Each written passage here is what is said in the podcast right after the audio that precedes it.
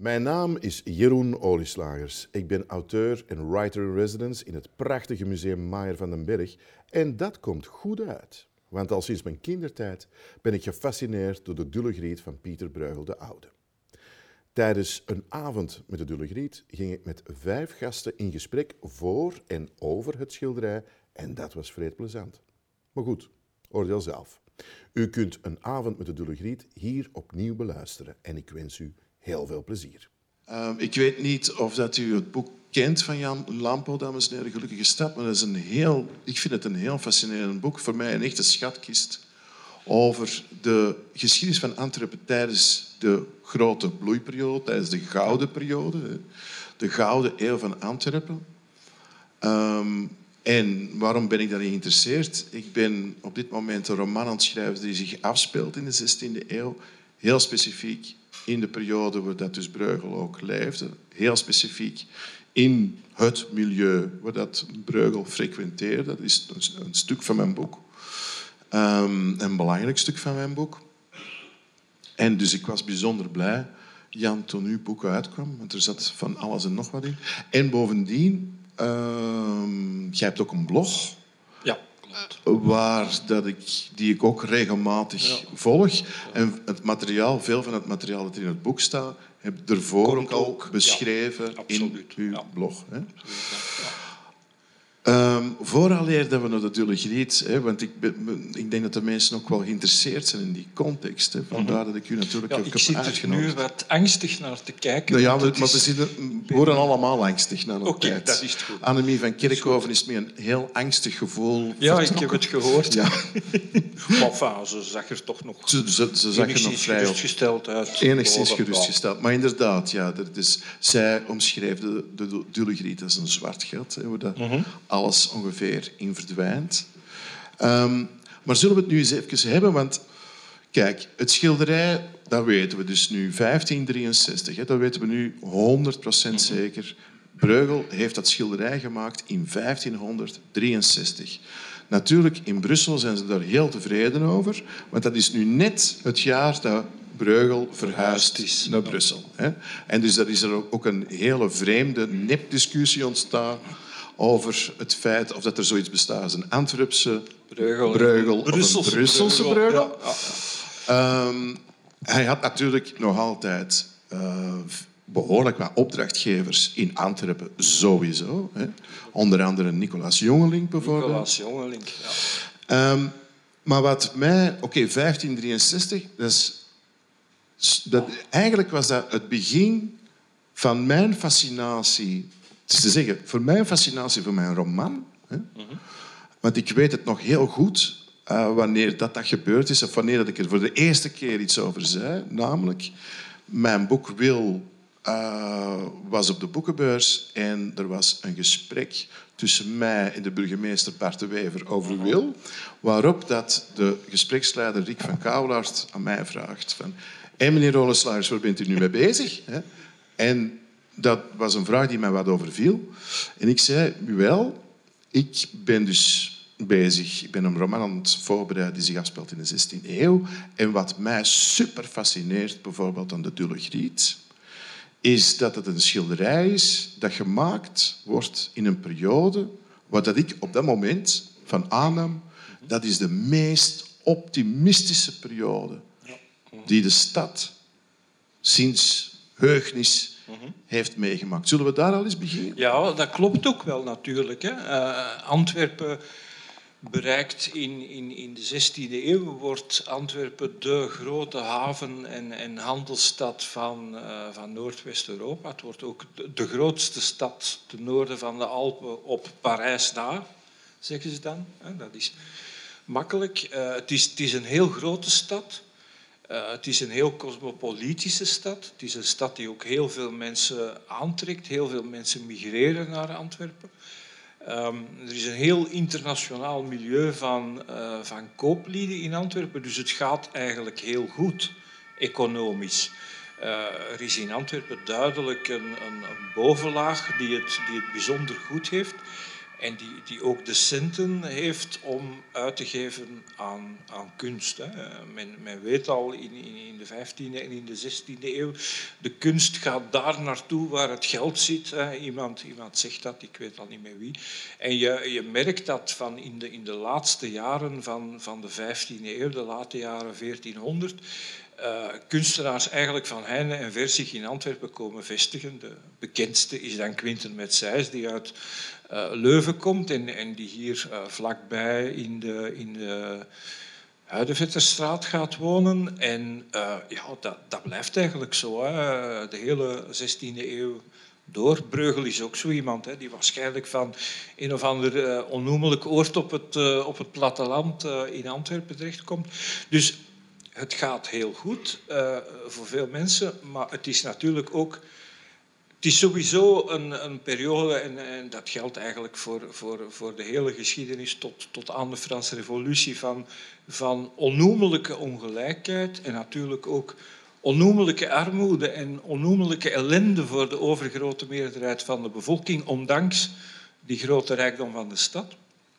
Het is ook de periode, natuurlijk, inderdaad, Annemie refereerde er al naar, uh, van, van de, de, godsdienstconflicten die gaan ontstaan. In, in 1517, geloof ik, spijkert uh, Luther, Of, plakt Luther, daar wordt over gediscussieerd, zijn uh, fameuze stellingen aan de, aan de slotkerk in, in Wittenberg.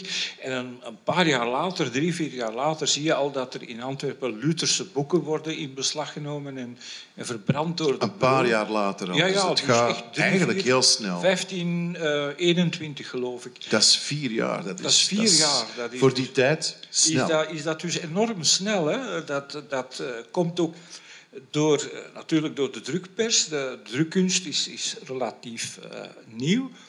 En eigenlijk kun je zeggen dat die, dat die de wereld revolutioneert. zoals de digitale revolutie nu de wereld verandert. En die, die ideeën van Luther die, die worden eigenlijk praktisch onmiddellijk door heel Duitsland verspreid. En die, die, die publicaties komen ook deze kant op omdat er in Antwerpen natuurlijk door die grote commerciële bloei ook nogal wat Duitsers zitten. Uh, dat zijn er geen, geen duizenden, dat, gaat over enkele tientallen mensen, maar die wel invloedrijk zijn en die wel... Hoeveel bewoners hebben we dan ongeveer in die stad uh, op dat moment? Want in, de, in, de, de groei is explosief. Hè? De, de groei is explosief. Uh, dat zal in, in de tijd van de Dullegriet is dat ongeveer 100.000 mensen. 100.000 mensen, oké. Okay. Wat Antwerpen groter maakt dan Londen op dat moment. Okay. En oneindig veel groter dan Amsterdam, om, om maar iets te zeggen. Ja, ja. ja. Uh, het begint, uh, ik denk in, in de 15e eeuw zijn er een 20.000, dus het, het verviervoudigt ongeveer. Oké. Okay. En als we nu even maar het is natuurlijk echt heel serieuze de bocht. Maar als we nu eens nadenken over het profiel van zo'n doorsnee handelaar, mm -hmm. die geïnteresseerd is in kunsten. Ja. Wat, wat, mij er aan opvalt, uh, wat ik erover gelezen heb, onder andere ook in uw boek, hè, mm -hmm. is dat zo'n, en we zullen het nu maar even noemen, een potentiële opdrachtgever van, voor de Dullegriet, voor de Dullegriet dat is iemand dat zijn intellectuelen. Die zijn met geld natuurlijk ook wel bezig, maar dat zijn mensen die waarschijnlijk Erasmus vrij goed kennen. Ja, dat zijn mensen die uh, het eervol vinden om de antieke bijvoorbeeld te bestuderen. Dat zijn mensen die bijvoorbeeld de satire van Juvenalis Ja. hè, lezen en daar zelfs commentaar over hebben. Um, of ben ik nu iets te cliché hier en iets te optimistisch? Het is misschien iets te optimistisch. Hè? Ik, ik denk niet dat alle kooplieden met die dingen eh, bezig waren. Ik, ik denk dat een, een, een vrij eh, aanwezige Italiaanse kolonie van Italiaanse kooplieden.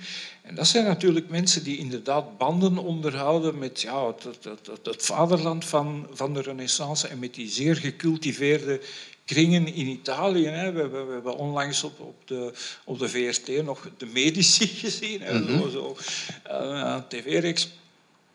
Eh, die, die zullen ook zeker wel invloed hebben gehad en, en, en dingen laten doordringen hier. Dus ja, er, er zijn van die, van die mensen. Ehm, en je, je kunt je daar inderdaad van voorstellen dat ze niet alleen om, omwille van hun, hun status en, het feit dat ze zich willen spiegelen aan de, aan de oudheid, maar ook omdat ze eigenlijk echt wel een reële belangstelling hebben voor wat er in de wereld gaande is, dit soort schilderijen theoretisch zouden kunnen bestellen. Ik kan me herinneren in het boek van Leni Wet, die biografie over Pieter Bruegel, dat zij op een bepaald moment twee, laten we zeggen, schilderstypes tegenover elkaar zet. Namelijk langs de ene kant Pieter Bruegel en langs de andere kant de op dat moment immens populaire, misschien zelfs nog meer populair, waarschijnlijk zelfs mhm. meer populair dan Bruegel, namelijk Frans Floris. Frans Floris, ja. Frans Floris, waar de een paar werken van in het Koninklijk Museum van Schone Kunst mhm. natuurlijk ook zijn. Ehm, dat ooit is opengaan en dan kunnen we ze waarschijnlijk terug bewonderen. Um, ja. Maar die Frans Floris, dat is echt wel fascinerend. Die Frans Floris, die, dat is echt wel... Als ik niet zou weten dat een Frans Floris is, dan zou, mij, dan zou mij kunnen wijsmaken dat hij Italiaans uh, renaissance schilder is. Um, en zij zet die twee in contrast. Meer nog, meer nog. Zij beweert ook, maar ik weet niet of dat jij er ook iets over zegt, maar zij beweert ook dat er een zekere concurrentiestrijd was tussen die twee. En dat meent zij op, op een of ander document te halen. Uh, ik, ja, ik, ik geloof dat uh, Nicolaas Jongeling in, in zijn uh, buitengoed, waar nu de Jongelingstraat is en, de kolruit van de Jongelingstraat. Ja. Daar was het buitengoed van Nicolaas Jongeling buiten de Ik heb de mensen eerst op de parking van de kolruit, maar er valt echt wel, er valt, nog heel weinig nog te nee, nee, dat is waar. Maar uh, Nicolaas Jongeling had dus, uh, ik geloof, vier breugels, hè, de, de vier seizoenen. Uh, de Toren van Babel had ik Toren van Babel. Ook, en, en hij had dus ook Frans Floris uh, enfin, schilderijen van Frans Floris in, in huis. Wat natuurlijk ook wil zeggen dat de twee tradities, de, de mhm. twee kunstenaars, eh, simultaan door dezelfde mensen werden gerespecteerd en bewonderd. Ja. Dus ja, misschien was er wel concurrentie, dat, uh, dat sluit ik niet uit. Maar het, het, het gekke is dus dat zo'n rijke 16e-eeuwse gecultiveerde Antwerpenaar in zijn huis Breugel naast Frans Floris heeft hangen en zich daar blijkbaar goed bij voelt. Ja. Dat is heel wonderlijk. Nu, maar ik vind Frans Floris, dat werk, uh, dat ik ook, ik ben geen specialist, maar het, het, het wonderlijke is, Breugel eigenlijk uh, vervalt soms in het, in het fantasmagorische, hè, zoals bij de Doele Griet. Maar eigenlijk ook bij Frans Floris, die, die veel traditioneler een, een, renaissance kunstenaar is, hè, die, die eigenlijk zijn Italiaanse voorbeelden veel trouwer navolgt. Die schildert toch ook wel zo van die prachtige tafereelen en zo de picknick van de goden, waar je dan een bende blote goden ziet picknicken in een Met veel druiven. En... Ja, ja, ja, ja, zo Die, die zitten te eten en te feesten in een, in, een, in, een, uh, in een bos of in een park. En dat is eigenlijk ook een beetje surrealistisch. Dat, dat staat eigenlijk ook buiten de realiteit. Dat is dan misschien de meer optimistische kant van de 16e-eeuwse Antwerpse uh, burgerij. Zo die, die, die, die klassieke, dat klassieke comfort. Want die, die goden, ze zitten daar zonder kleren, maar ze hebben geen kou en ze hebben lekker eten en muziekinstrumenten en er is overvloed.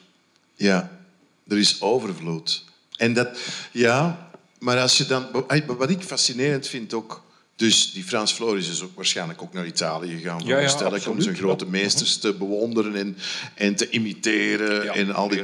Breugel weten we, die gaat ook naar Italië. Die, gaat, die is zeker geweest. Maar waar dat Frans Floris een heleboel renaissance-motieven, picturale renaissance-motieven, gewoon meeneemt en die dan, omdat er natuurlijk ook vraag naar is, die schildert, neemt Breugel daar hebben we nou niks van terug mee. Het enige wat ik dan denk, die mens heeft in Italië die grote meesters gezien. We weten natuurlijk ook wel dat hem bijvoorbeeld duurder, hè, dat heeft niks met die Italiaanse renaissance te maken, maar we kunnen wel invloeden zien. Maar die komt eigenlijk terug en die heeft een liefde voor het landschap. Ja. Dat vind ik zo fascinerend. Ja, dat is dus... En niks mythologie in feite nee, zelfs. Nee, nee, dat is, dat is dus een van de grote ja, mysteries, kun je zeggen, van, van, van de figuur Breugel. daar wordt ook al, al lang commentaar op geleverd. Breugel gaat naar Italië, ziet die renaissancekunst, neemt wel een aantal dingen mee. Het landschap onder andere. En, maar ja, de, de, de, de, hoe zal ik zeggen, de, de formele kant van de renaissance laat hem blijkbaar koud. Dat glijdt van hem af als, als water van een eend. Ja. Dat, is, dat is heel wonderlijk. En dat heeft natuurlijk vroeger uh, aanleiding gegeven tot allerlei nogal vergezochte interpretaties. Hè. Zo in, in, in de 19e eeuw, begin 20e eeuw, in, in de het zij Belgicistische of flamingante kunstgeschiedenis werd dan gezegd, ja, Breugel, dat was tenminste een, een oprechte Vlaming of een oprechte Nederlander. Die liet zich niet uh, intimideren door al die fanfaronades van, van die decadente Italianen. Dat was hmm. een echte van bij ons, een, een serieuze mens. Uh, ja, dat is natuurlijk onzin. Ik bedoel, het heeft denk ik weinig te maken met zijn volksaard en zijn, en zijn bloed. Maar het, het feit is er wel. Hmm. Hij heeft, uh, terwijl, en je kunt niet zeggen dat Frans Floris en, en andere renaissance-schilders of, of manieristen, of hoe, het, hoe, je ze ook uh, wilt noemen, uh, die, die mensen zijn wel op bepaalde momenten heel creatief omgesprongen met die Italiaanse renaissance. Maar bij Breugel heeft het dus ja, niet gepakt. Dat is heel hmm. vreemd. Eens gewoon kijken naar die ideologie. Hè, want ik ben, um, het, voor mij toch een van die sleutels, en daar zit ik zelfs vrij systematisch met u naartoe aan het werken gaan. Mm -hmm. Ik verschiet er zelf van dat ik zo systematisch ben uh, op dit moment. Maar een van die cruciale dingen toch um, is die verhouding tussen de opdrachtgever, mm -hmm en de schilder. Want u moet dus weten, dames en heren, um, dit is dus een paneel, dit is geen doek. Um, dat is geschilderd op eikenhout uit de Baltische gebieden. Duur eikenhout, dus dat moet besteld worden. Dat moet natuurlijk met een schip gebracht worden. Dat vergt toch wat tijd en dat vergt sowieso ook een investering van de opdrachtgever. Sowieso. Dus dat krijg je al. En we weten ook dat Breugel uh, al zijn werken materieel gezien altijd topmateriaal. Altijd tophout, altijd topverf. Dat weten we absoluut. Hè. Dus, en die verven die kosten verschrikkelijk veel geld op dat moment. Hè. Dus we hebben dus een opdrachtgever die een soort van pre-investering ongetwijfeld doet. Hè, die dus zegt van, zal ik uh, het hout sowieso bestellen, ik zal ik het betalen, al dat soort toestanden. Hè. Um, maar die opdrachtgever die zegt niet tegen Breugel, doe mij nog eens een Maria Magdalena of doe mij nog eens een vlucht uit Egypte. Hè, want dat is, dat, is een, dat is een kort gesprek. Ja, dat, kan ik me voorstellen als een kort gesprek van meneer Breugel, Pierre. Uh, meneer Pierre, uh, ik zou nog eens een Maria Magdalena willen. En Breugel zit, dat geen probleem. Uh, maar nee, ja. ze hebben ongetwijfeld, vooral eer dat dit gematerialiseerd geraakt... Daar toch wel even over gesproken. Hier is over gesproken. Ja. Hier is over gesproken. Vooral dat we daarop ingaan, Laten we het even hebben over wat is de functie van, zo schilderij, van zulke schilderijen in die periode. We houden die opdrachtgever onzichtbaar, want we kunnen natuurlijk op dit moment... We zijn toch aan het speculeren, we weten het niet. Maar wat is in het algemeen de functie van zo'n schilderij in die tijd? Uh, mijn, mijn, collega hier van het Museum Maier van den Berg zei net ja, een, een conversatiestuk. En dat is het waarschijnlijk ook geweest. Hè. Een, een, een, stuk dat werd opgehangen ergens centraal in de, in, in de woning van, van, de, van de eigenaar, van de opdrachtgever. Waar je dan met z'n allen ging naar kijken en, en dan kon je erover wat is, praten. Wat we nu wat we aan het doen zijn, we nu aan het doen zijn. gebeurde in de 16e eeuw uh, ik, ook. Ik, ik kan mij dat... Misschien met minder volk. Ja, Misschien. misschien. We, zijn nogal talrijk vanavond. Maar ik, ik, ik, kan me dat dus heel goed voorstellen. Uh, want je, het is heel duidelijk wat het niet is. Hè. Het, is het is geen schilderij voor een kerk. Het is, het is geen uh, religieuze voorstelling. Het is inderdaad, Annemie van Kerkhoven heeft het al gezegd, het is heel ingewikkeld. Het is geen simpele voorstelling. Uh, het, is, het is eigenlijk een, een heel raadselachtig schilderij dat... dat inderdaad de toeschouwer uitnodigt tot het verzinnen van, van allerlei uh, interpretaties. Natuurlijk, uh, als ik er zo naar kijk, uh, en ik denk dat, dat veel historici en, en kunsthistorici met mij natuurlijk nogal de, de drang hebben om, om te proberen tot, tot, tot een sluitende interpretatie te komen. Ja. Te zeggen, dit schilderij gaat daarover. En, en hier wordt een, eigenlijk een, een discours ontvouwd dat dat en dat en dat, zegt. Ja. En het, het, frustrerende is dus dat dat niet kan, of dat wij dat niet meer kunnen.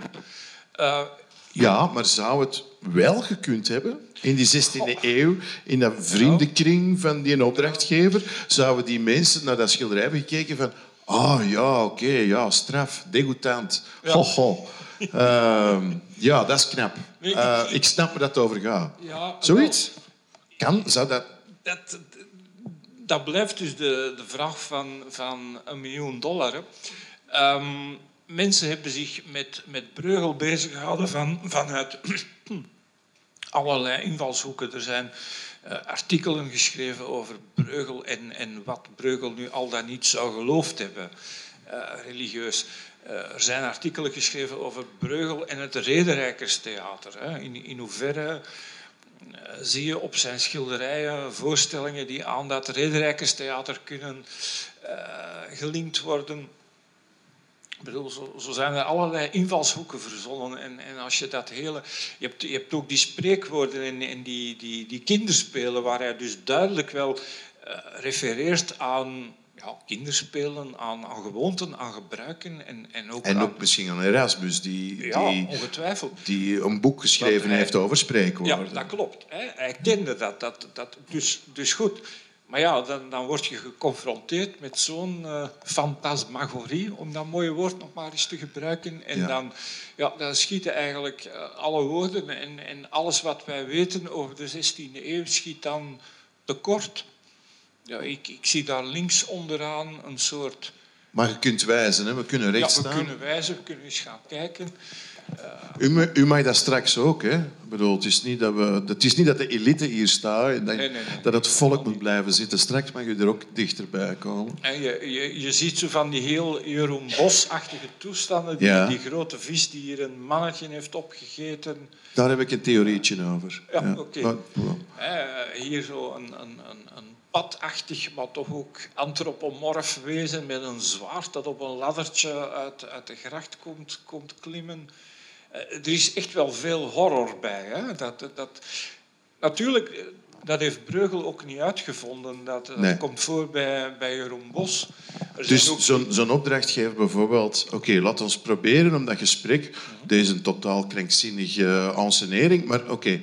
die, die, die, die opdrachtgever die zegt bijvoorbeeld tegen uh, Breugel Doe mij iets in de stijl van Jeroen Bos. Dat is niet ondenkbaar, want uh, Jeroen Bos is, is, iemand... Hij was toen al dood natuurlijk. Uh, Jeroen Bos is iemand die in, in, in de 16e eeuw, late 16e eeuw en zeker in de 17e eeuw, maar daar zijn we dan nog niet, echt verzameld wordt in Antwerpen. Allee, niet alleen in Antwerpen. Dat is een van de de mensen die je in huis moet hebben. Zoals... Dus juist onlangs heb ik dat... Ik denk dat ik het in Wenen heb gehoord. Mhm. Dat de kans heel groot is dat een soort van farde van tekeningen van Jeroen Bos circuleerde in de 16e eeuw hier in Antwerpen. En heel specifiek dat deze figuur, dat mannetje met een soort van bolhoed op, ik weet niet of u ervan veel kan zien, dat die dus opduikt op tekeningen van Bos, maar niet op zijn schilderijen. Hoewel op, op, die tekeningen.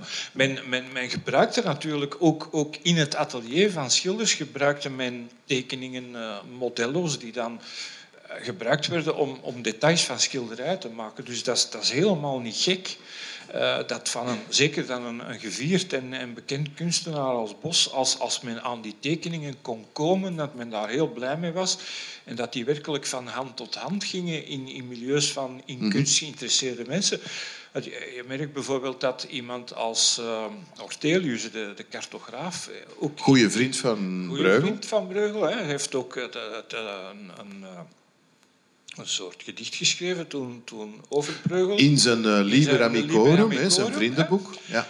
Uh, die man heeft ook kaften met tekeningen en met prenten in zijn collectie. Dus ja, dat waren verzamelaars. Ja, dat waren echte verzamelaars. Dat, dat zie je dus uh, opduiken in, in, in de 16e eeuw, ook hier. Dat komt ook overwaaien uit, uit Italië. Dat hoort bij de renaissance-cultuur, dat mensen echt uh, oudheden gaan verzamelen. Als het even kan, Romeinse oudheden, die dan soms uit Italië worden gehaald, maar die soms ook occasioneel hier worden opgegraven. Uh, bekend is het geval van de, uh, de bankier Gaspar Schets, mm -hmm. die zijn naam verlatijnst tot Schetius, wat natuurlijk enigszins ongelukkig is. Ja. Uh, maar, dat is maar niet in die tijd, maar ja, ja, gaandeweg de tijd dat, zich ontwikkelde, ik, altijd maar ongelukkiger werd. Ik, ja. ik, denk dat ze daar toch toen ook al mee gelachen hebben. Okay. Hoor. maar je ziet dus, Schets is, is heer van het kasteel van Grobbendonk. Uh, en, en, daar worden dus op de terreinen van dat kasteel uh, worden Romeinse, Merovingische oudheden gevonden. En Schets heeft die in, in zijn collectie. Je hebt ook wat iets later dan um, Nicolaas Rocox, dat, dat staat in de biografie die Leen Huet over Rocox heeft geschreven, die een, een Romeinse muntschat of een deel van een Romeinse muntschat koopt die ergens in Oost-Vlaanderen is gevonden. Dus ze verzamelen oudheden, ze verzamelen kunst, ze verzamelen ook rare natuurfenomenen, uh, zeldzame schelpen, uh, uh, opgezette beesten, gedroogde insecten, wat weet ik allemaal. En, en dat, dat brengen ze allemaal samen in, in rariteitenkabinetten waarvan de betekenis ons eigenlijk ook vaak een, een beetje ontgaat. Je kunt denken, zo'n rariteitenkabinet, ja, dat is ook een, een statuskwestie natuurlijk. Maar het is ook een plek uh, waar mensen eigenlijk op, op microschaal, in, in een soort kleine microcosmos, een, een, een weerspiegeling organiseren van de grote, complexe wereld buiten. Zo, is, Dus is dit een rariteitenkabinet of is dat uh, een brug te ver? Goh, het, het, is natuurlijk wel een schilderij vol rariteiten. Maar de, bijvoorbeeld de val van de opstandige engelen, ja. hè, dezelfde periode van Breugel. Daar kun je de link, trouwens, uh, Tine Meegang, die ik ook heb uitgenodigd, heeft er een geweldig boek over geschreven, waarin dat ze echt heel in detail probeert aan te duiden van rariteitenkabinet, de invloed van een rariteitenkabinet op dat, dat schilderij dat er in Brussel hangt. Dat is uh, onderzoek dat ik niet ken, het is nieuw voor mij, maar het, het lijkt mij heel goed mogelijk. Ja. Ik bedoel, je, je, kunt zeggen, heeft, heeft Breugel, hebben die tafereelen iets te maken met het theater van die tijd? Dat is verdedigbaar. Maar je kunt inderdaad ook zeggen, die, die rariteitenkabinetten, die, zeker, uh, die je daar zeker vond in, in de kringen waar Breugel verkeerde en in de kringen van Breugel zijn opdrachtgevers, wa waarom niet? Hè? Ik bedoel, je zou inderdaad kunnen zeggen... Uh, dat dit, dit schilderij ja, bevat een heleboel rare toestanden en rare wezens. Misschien heeft dat er wel iets mee te maken. Maar uh, dan denk ik toch, want er zijn ook uh, kunsthistorici of kunstcritici zelfs, die geschreven over, over dit schilderij van ja, hij heeft gewoon een paar dingen bij elkaar gezet dat er zo wat, en er is eigenlijk geen diepere betekenis.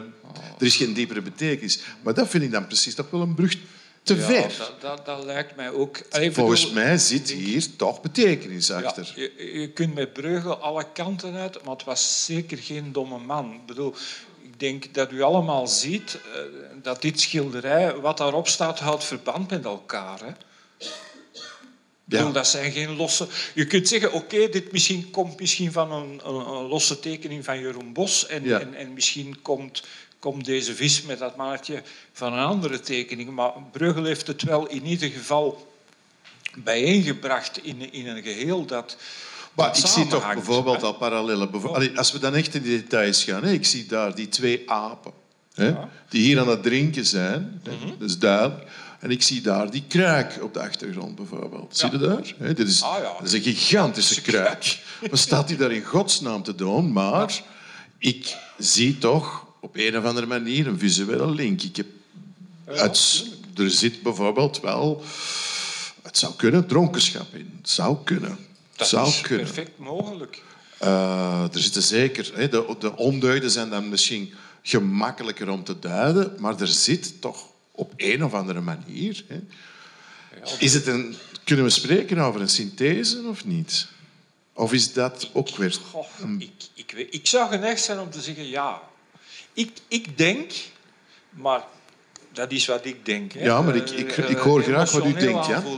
Ik, ik denk, als een, als een man zo'n schilderij maakt, Ja, dat hij dan, of hij dat nu wil of niet, alles schildert wat hij op dat ogenblik weet en voelt en gelooft.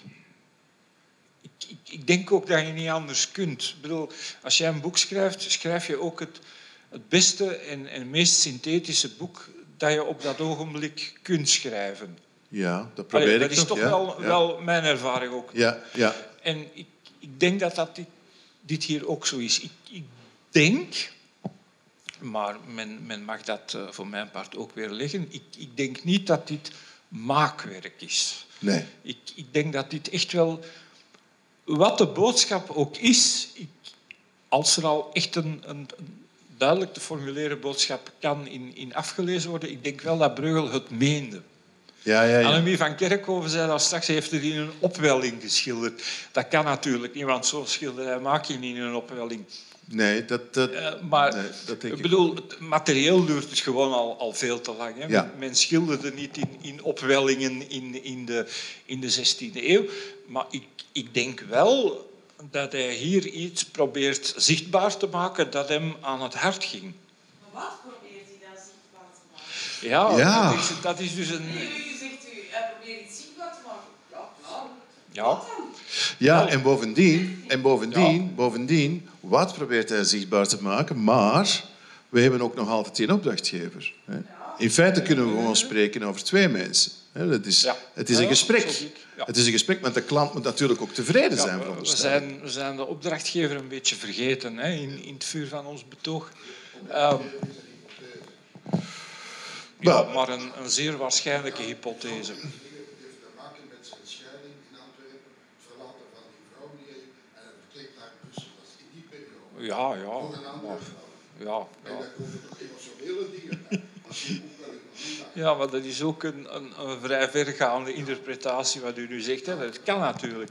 Maar ik, Verhuizen betekent niet dat uw hart breekt. Hè. Als ik Antwerpen zou verhuizen, ja, misschien ja, wel. als je maar- naar Brussel moet gaan wonen, dan, allee, ja, bon, dan, Bon, dan ja. breekt uw hart natuurlijk. Let's not go there. Let's not go there. Maar, maar oké. Maar, maar dat vind ik bijvoorbeeld al heel... Ik, begrijp wat u zegt. Maar, en ik heb ook zitten nadenken, hè, vanaf het moment dat die datum bekend werd, die 1563, en dan een discussie, Antwerpse Breugel, Brusselse Breugel. Ehm, je begint natuurlijk wel te projecteren. En je begint... We weten zo weinig over het leven van Breugel. Zo weinig. Ja, er zijn dus drie of vier documenten waarin Breugel vermeld wordt. Hè. Eh, dat is eh, onder andere Nicolaas Jongelink, die, die zijn eh, schilderijen als, als onderpand inbrengt voor een lening. Er is het verhaal van, van Karel van Manders. Karel van Manders. Maar dat is na de feiten. Dat is na de feiten. Want dat is 1604. vier, Ja. Dat schilderboek is van 1604, dit is van 1563. Er zit al aardig wat tijd tussen. Absoluut. En, en ja, dat- Galvel is een van zijn opdrachtgevers. Die is op dat moment al onder druk van de, de, de, de groeiende liga. Ja, ja, tuurlijk. Dat, is- allee, dat, verwijst naar de mogelijkheid van de totale vernietiging. Absoluut. Ik, Dat is naar het totale gezag gaan. voilà, En ik, ik ga nu... Breugel is de eerste die iets met feminisme, met de heksen doet. En, wat staat er centraal? Een vrouw en een aantal vrouwen. Ja, maar, maar nu, nu, nu, nu, nu ga ik, ik, ik ga even tegenwringen.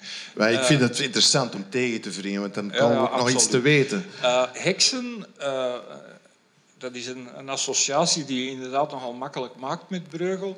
Er, er waren natuurlijk heksen, hè, kruidenvrouwen, shamanen of hoe je ze ook eh, noemen wil, op het, op het platteland en, en ook in de stad. Maar heksen, echte heksenwaan, eh, heksenvervolging, dat is eigenlijk iets dat bij ons maar losbreekt in, in, de, in de 17e eeuw. Hè.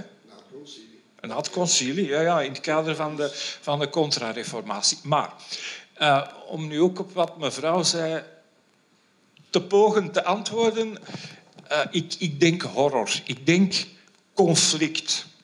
Ik denk, als je dit schilderij bekijkt en, en ook andere schilderijen van Breugel, uh, denk maar aan, aan inderdaad de triomf van de dood of, of Bethlehem daar, van achteraan de muur. Wel, er is altijd conflict, er is altijd oorlog, er is altijd dood. Uh, en er is vuur ook. Hè. Uh, wat, ik, wat ik persoonlijk heel, heel fascinerend vind, dat zijn die vurige horizonten. Die, die vind je ook bij Joachim Pattinier, hè, de, de zogenaamde uitvinder van het landschap, in het begin van de 16e eeuw al in Antwerpen. Dat is blijkbaar iets wat, wat zeer tot de verbeelding van de mensen sprak. Het spreekt in ieder geval zeer tot mijn verbeelding dat je ook terugvindt op Triomf van de Dood. Ja, ja absoluut. Die hele strook, die, die horizon die in brand staat, bij wijze van spreken. Er is conflict, er is, er is dood, er is ondergang, uh, apocalypse als je wil, uh, dreiging, uh, ruzie, oorlog, mensen die elkaar bestrijden. En ik, ik, denk dat dat met twee dingen te maken heeft. De, de 16e eeuw, we hebben het daar, daar straks over gehad, is, is natuurlijk een, een periode van geweldige rijkdom, uh, geweldige uitbouw ook eigenlijk van, van de geldeconomie, van, van de handel. Wat, wat de mensen voor morele problemen stelde. Hè, want de, de kerk verbood eigenlijk het, het uitlenen van geld tegen interest. Uh, terwijl die, die handel in Antwerpen, dat, dat draaide dat dus draaide helemaal op, op interest. Dat, dat ging niet anders. Dus je hebt daar, mensen maken zich moreel zorgen, maken zich zorgen over hun, hun zielenheil, ook al blijven ze uh, brave katholieken. En heb je daar dat protestantisme dat komt, uh, komt opzetten. Uh, en, dat is dan in, in de vorm aanvankelijk van, van het, de leer van Luther. En, en, later het Calvinisme, maar je hebt dus ook allerlei... Je hebt, je hebt de, de doopsgezinden, de, de wederdopers, eh, die, die een hele eh, revolutionaire volkse beweging zijn. Ja. En je hebt allerlei andere uh, secten en Ja, maar dat is ook zo fascinerend van die periode. Dat is daar allemaal ontwemelen in die stad. Je hebt die Anabaptisten, je hebt die protestanten, je hebt die Calvinisten. Um, in, um, in een van die ooggetuigenverslagen die zo fascinerend zijn dat boek, uh, het is heel moeilijk nog te vinden. Uh, door vreemde ogen, denk ik, van... Ja, ik ben even zijn naam kwijt. Uh, door vreemde ogen, uh, dat is iemand die al die getuigenissen mhm. over Antwerpen in die periode heeft verzameld. Hè. En dan krijg je van die hele, ja, hele intrigerende getuigenissen, bijvoorbeeld een Spanjaard die naar huis schrijft en die zegt dat Antwerpen dat is gewoon om zot van te worden. Want in het begin wordt er op de paus geklonken, maar dan wordt er op Luther geklonken, dan wordt er op Calvin geklonken en dan wordt er op die smerige rotzakken van die Anabaptisten ook nog... Ze klinken gewoon op iedereen en ze zuipen zichzelf onnozel. Ja. Het, het, is Sodom en Gomorra, het is Babylon. Dat Antwerpen het, is Babylon. Het, was ook Babylon, hè? een stad met, stel je voor, 100.000 inwoners vele nationaliteiten. En, en inderdaad, op, op een bepaald ogenblik, als, als, de, als de opstand uh, tegen Spanje volop bezig is, dan heb je dus inderdaad in Antwerpen een katholiek bevolkingsdeel en een protestants bevolkingsdeel. En dat valt dan uiteen in Lutheranen en Calvinisten. En die, die, die slagen er dan toch in om, om onderling niet al te veel ruzie te maken. Want dit is 1563, mensen. Drie jaar daarna is het de beeldenstorm. Ja, dat is zo. En dan vraag ik mij af, als we er dan toch over bezig zijn, over die beeldenstorm, dan vraag ik mij af, wordt dit niet op dat moment, in 1566, een enorm gevaarlijk schilderij om te hebben? Ja, Of is dat een onnozele vraag? Ik, nee, ik, daar ben ik ook goed in. Ja, ja, onnozele nee, nee, ik, vind dat, ik vind dat geen onnozele vraag. Um, blijkbaar is, is Breugel op bepaalde ogenblikken wel geassocieerd met, uh, met uh, de opstand, de anti-Spaanse opstand. Um, en je kunt een deel van zijn werk ook in die context gaan bekijken en, en interpreteren. En, en, dat lijkt mij legitiem. Ik, ik, denk dat eigenlijk iedereen in de zuidelijke Nederlanden het op een bepaald ogenblik wel gehad had met, met, met Philips II niet iedereen, maar toch heel veel mensen. Ehm, maar ja, gevaarlijk. Ik bedoel, ik, denk dat we ons ook die, die Spaanse bezitting, Spaanse bezitting is, is, dat is eigenlijk niet juist. Hè, want de, de koning van Spanje was, was onze wettelijke vorst. En uh, die, die Spanjaarden die, die zaten hier wel. Maar bon, uh, ik, denk dat we dat ons ook niet mogen voorstellen zoals de bezitting door Nazi-Duitsland. Nee, en, en nee. dat is natuurlijk... Je hebt die neiging wel. Het is toch ook zo dat bijvoorbeeld het Spaanse Rijk of de centrale overheid op dat moment is eigenlijk virtueel of zelfs echt failliet. Er zijn een hoop mensen hier in Antwerpen met veel geld die Ja, gewoon absoluut. lenen. Die gewoon geld lenen aan Ja. Philips II. Ja, absoluut. En aan de opstandelingen tegelijkertijd. En Dat aan de het- opstandelingen. Dat is het fascinerende. Super fascinerend Ja. is dat. Hè? Want bijvoorbeeld de broer van Nicolaas Jongelink, eh, is het, hoe heet hij, Frans Jongelink? In ieder geval, langs de ene kant werkt hij voor Granvel. Granvel is in feite te vergelijken met de premier van Philips II, zullen we maar Ah, zeggen. absoluut. Dus van premier. Hè? En dus eh, hij werkt in, ik denk in Brussel of is het in Mechelen, een van die eh, paleizen, kastelen, paleizen van Granvel. Maar langs de andere kant, een paar jaar later, zonder enig probleem, drukt hij ook eh geuzenmunten. En, dus dat loopt allemaal door elkaar. Het loopt allemaal door elkaar. Ik, ik denk dat daar natuurlijk een, een flinke dosis eh nuchter eh, handelsgeest eh, speelde. Want ja, mensen wilden eerst en vooral echt wel, wel geld verdienen. En eh, ik, ik, denk, ik denk ook een, een, toch wel een, een, een toenemende irritatie met, met, eh, met de Spanjaarden, de Spaanse politiek. En natuurlijk, ze zagen ook wel vanaf een bepaald moment dat de opstand tegen Spanje, Ja. dat die opstand een zekere vaart begon te krijgen. Dat het, er, er moet een moment geweest zijn, ik weet ook niet precies wanneer, maar in, in de geesten van de mensen, dat ze moeten gedacht hebben van, tja, onze opstand heeft misschien wel kans op slagen. De Beeldenstorm 1566, in het begin zelfs. Ja, En dan zou dit zou een soort voorafschaduwing Ja, kunnen zijn. ja, van, absoluut. Eh, het, het, het, is in ieder geval een, een, een schilderij dat, dat gaat over de, de conflicten en, en, en de verscheurdheid en het, het geweld die, die ja, een, een, eh, zullen eh, een uitdrukking krijgen in, in die beeldenstorm. Ik, ik denk niet dat Breugel erg blij zal geweest zijn met de beeldenstorm. Want natuurlijk, voor, voor alle schilders betekende dat wel dat hun werk vernield werd.